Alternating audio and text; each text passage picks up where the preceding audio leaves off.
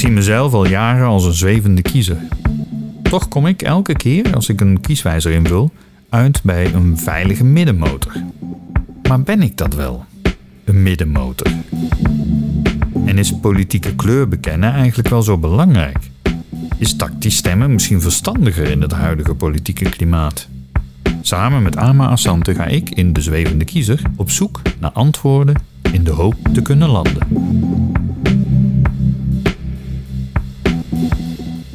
Wat denk je? Politiek kleur bekennen of uh, ja, tactisch stemmen? Ja, ik zeg politiek kleur bekennen. Gewoon lekker dicht bij jezelf blijven. En uh, op grond daarvan een keuze maken. Ja. En daarna, weet je, je bent toch overgeleverd aan het politieke landschap. Wat er uiteindelijk met jouw stem gebeurt.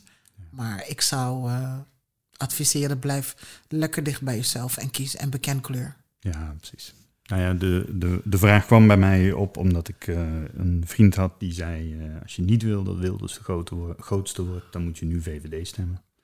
En, um, want dan wordt die de grootste. Uh, en dat leek in eerste instantie heel plausibel. Ik had echt zoiets van: ja, ja, misschien heb je wel gelijk. Maar toen ik er lang over nadacht, dacht ik wel: ja, maar het natuurlijk wel, die Kamer moet wel een weerspiegeling zijn van de maatschappij. En op het moment dat iedereen dat soort tactische stemmingen overweegt, ja, dan is het natuurlijk geen uh, weerspiegeling meer. Dus ik was intussen al uh, ook overtuigd van dat je vooral kleur moet bekennen. Ja, en bovendien hè, in het verbrokkelde Nederlandse politieke landschap. Kijk, wij zijn niet de Verenigde Staten waarin twee of drie partijen uh, strijden om mhm. de gunst van de kiezer. En uiteindelijk hè, de grootste partij met alle stemmen er vandoor gaat. Um, wij hebben een, een, een pluralistisch model. Uh, met meerdere politieke partijen die uiteindelijk na de verkiezingen met elkaar uh, een regeerakkoord gaan polderen. Ja, ja precies. Dus hè, je kan ook zien, je hoeft niet de grootste te zijn of in het kabinet te zitten om invloed te hebben. Als je kijkt naar de verrechtsing van, de, van het politieke klimaat, mm is maar één conclusie te trekken. En dat heeft toch echt wel te maken met het feit dat de VVD hè, uh, ergens in het midden van, nou ja, wel rechts, maar ook in het midden, concurreert um, met Wilders. Mm concurreert met Baudet misschien ook wel.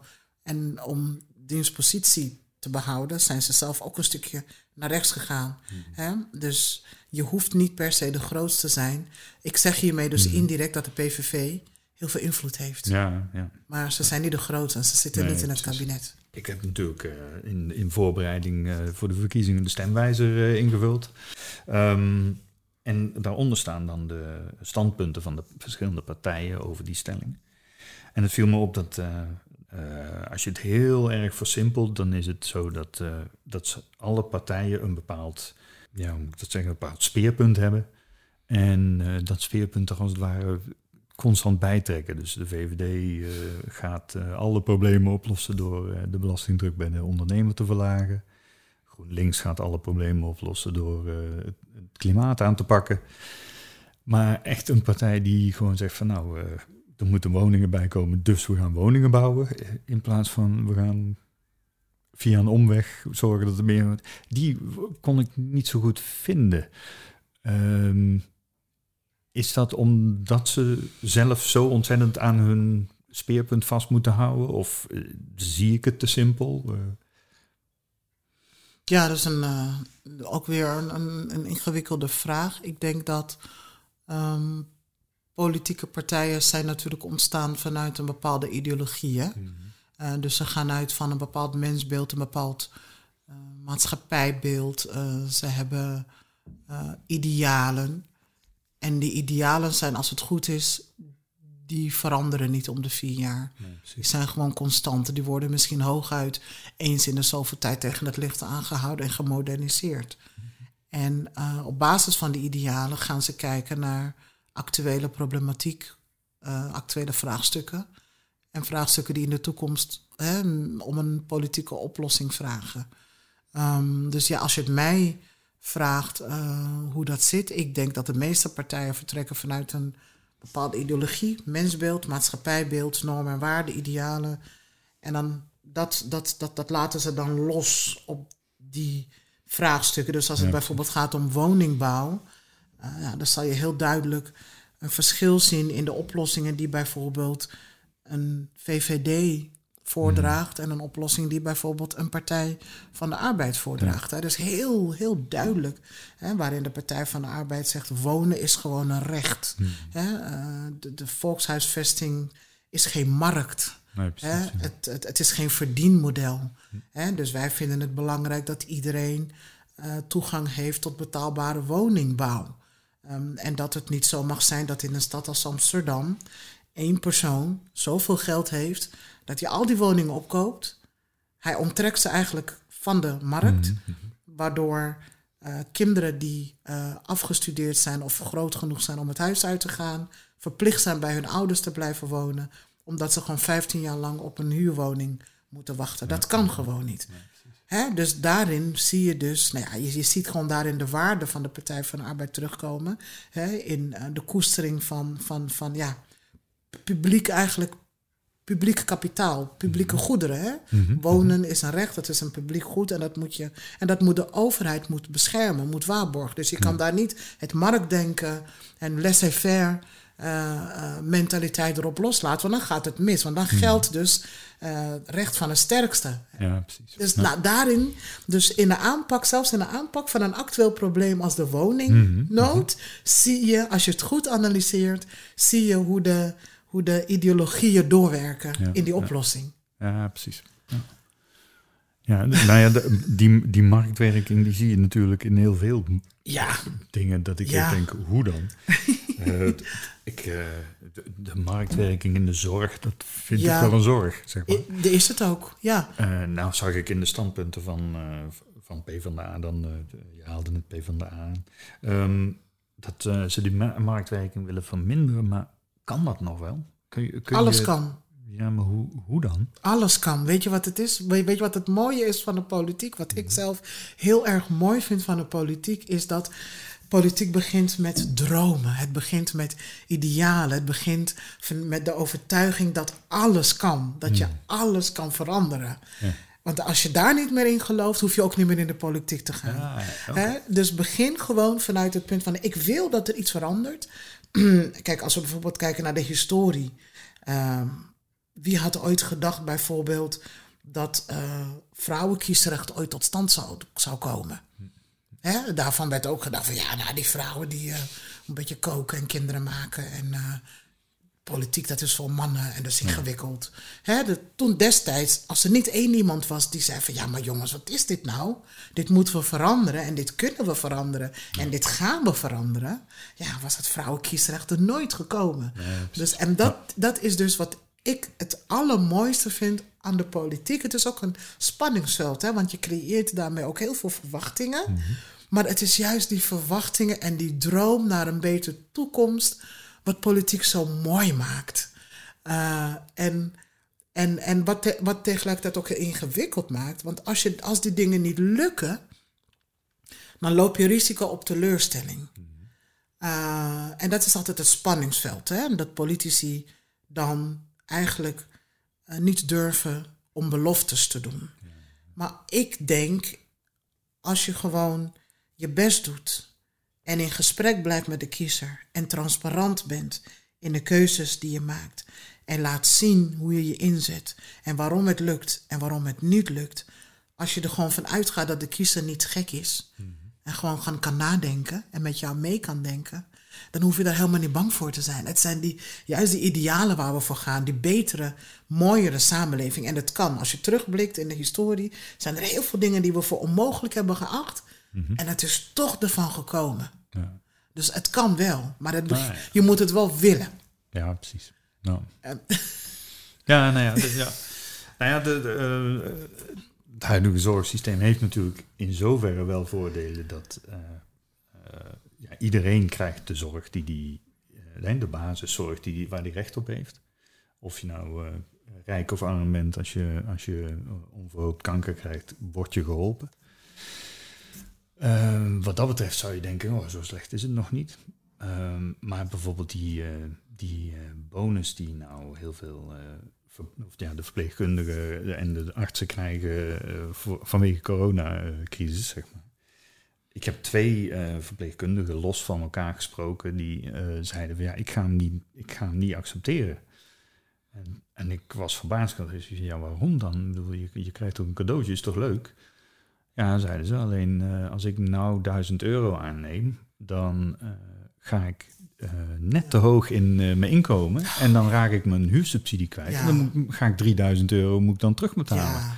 Dus ik, ik neem hem gewoon niet aan. Oh, dat is verschrikkelijk. Dat is verschrikkelijk.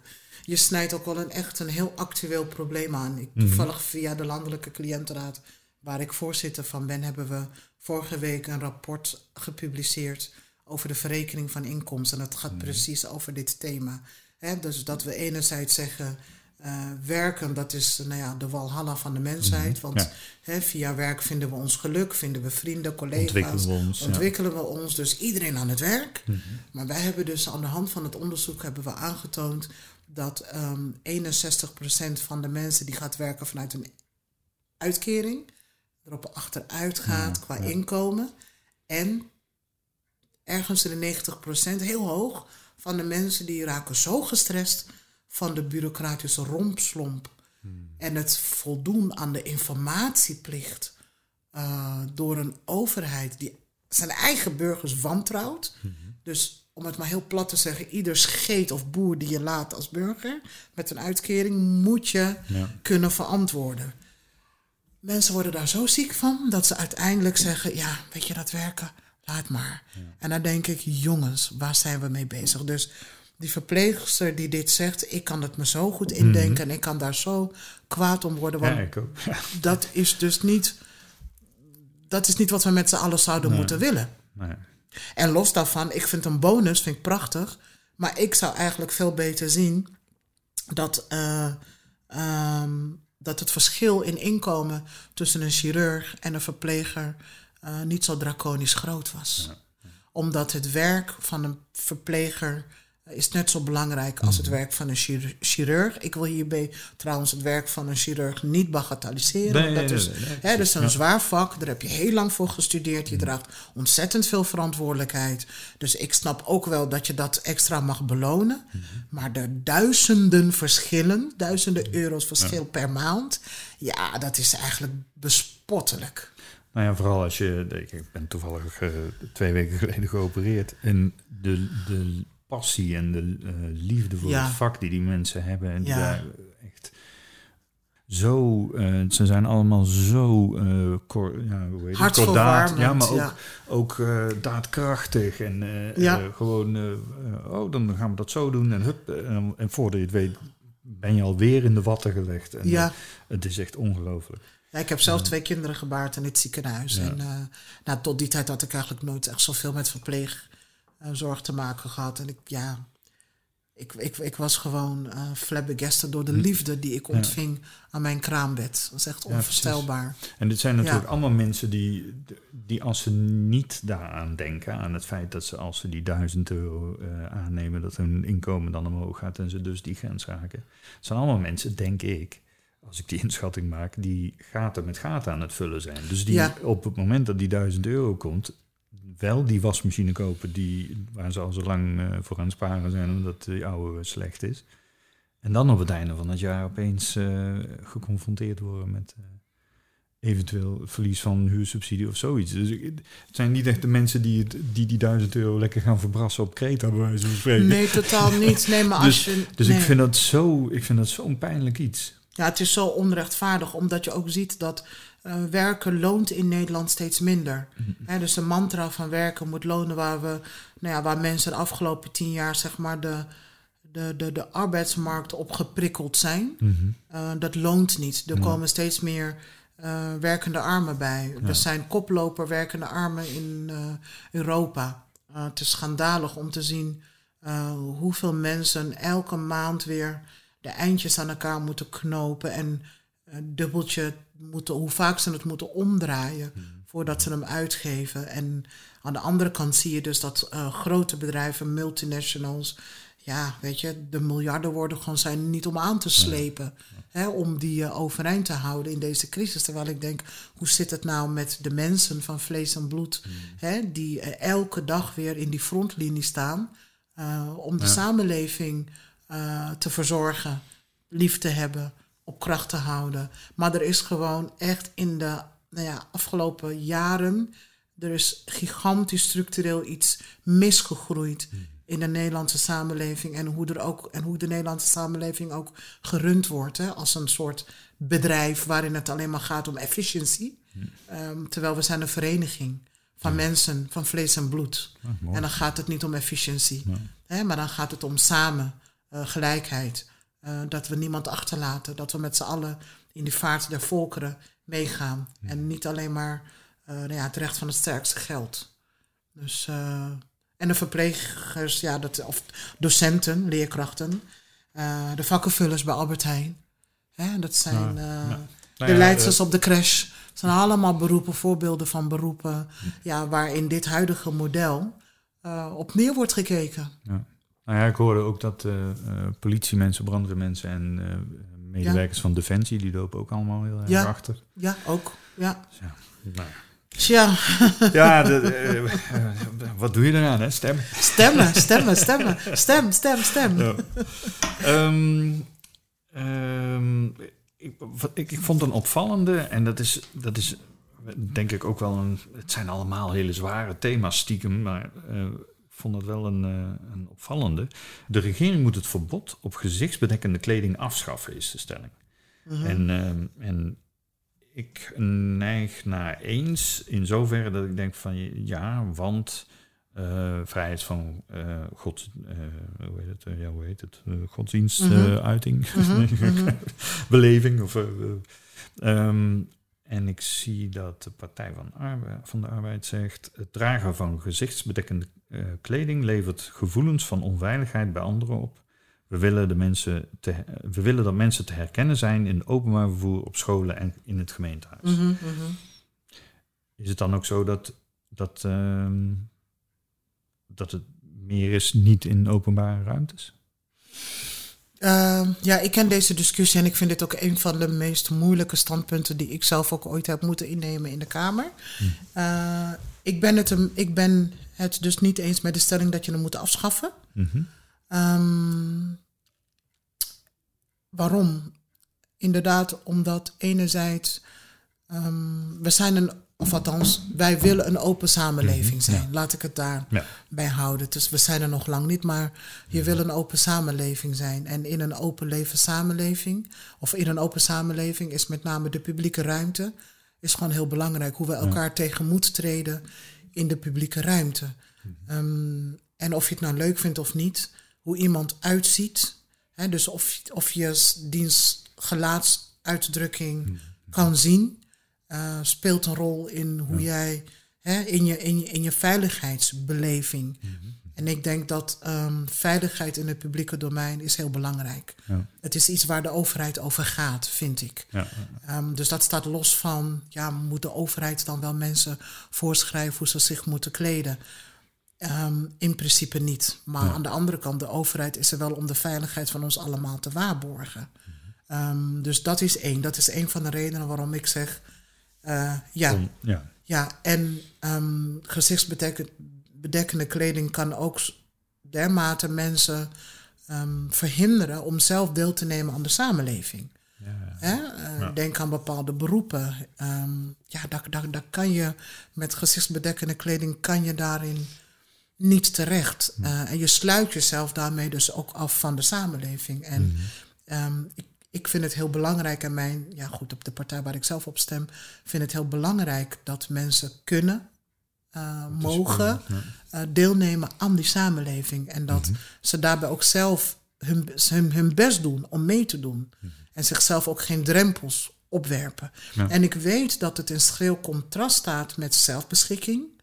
Hè? Want ja, in hoeverre mogen mensen zelf bepalen wat ze ja. wel en wat ze niet doen en wat ze wel, hè, uh, uh, uh, hoe ze zich kleden, met name richting vrouwen. Mm -hmm. en ik weet dat er een argument is, dat er wordt gezegd van ja, maar dit standpunt gaat helemaal niet over veiligheid. Het is gewoon een stok om de hond, de islam, ja, ja, mee te slaan.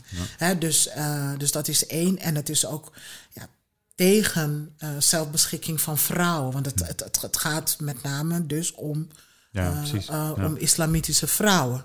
Hè? Dus die twee argumenten worden gebruikt in de discussie. En daar ben ik ook niet helemaal ongevoelig voor. Eh, maar als er ergens is waar ik dan die knoop moet doorhakken, uh, dan hak ik hem op basis van nou ja, collectieve veiligheid, maar hmm. ook uh, wegnemen van alle obstakels en belemmeringen om deel te kunnen nemen aan die samenleving. Ja. Maar het is, het is niet iets wat ik heel makkelijk vind te verdedigen hoor. Ik, vind hem, ik vind hem heel ingewikkeld, want ik ben ook gevoelig voor de andere kant. Want mhm. je merkt ook gewoon dat ja, in de afgelopen 15, 10 jaar, misschien wel langer, is er ook een uh, islamhaat ontstaan in de Nederlandse samenleving. Hè? En worden mensen die uh, islamitisch geloof aanhangen, um, soms ook neergezet als uh, het zijn terroristen en ze zijn hmm. erop uit om onze samenleving te vernietigen. En ook dat is klinkklare onzin. Ja, ja, ja, dat is niet waar. He, dat is gewoon, dat, we hebben in dit land vrijheid van religie. Iedereen uh, mag binnen de wet geloven of niet geloven. Um, en het feit dat een bepaalde religie jou niet aanstaat, is natuurlijk geen argument om aanhangers van die religie allemaal te criminaliseren of hun vrijheden in te perken. Het is een spannende discussie, vind ik zelf. Ja, dat vond ik ook. Ja. En uh, nou, de, de, het andere uiterste, het mondkapjesplicht. Ja, ja, eens wordt ook in de discussie gebruikt. Hè, van, ja, je, nou zie je ook niemand. Hè? Um, en, en ook daarvan zeg ik, ja, maar jongens, wacht eens even. Uh, we zitten in een pandemie. pandemie en het bedreigt ons allemaal. Uh, dus ja, weet je, je kan ook alles met de haren erbij slepen. Tot zover aflevering 6 van de Zwevende Kiezer. Luister ook naar de volgende aflevering waarin we het hebben over werkende armen, bijstand en integratie. Met dank aan Ama Asante voor het openhartige gesprek en Moby voor de muziek.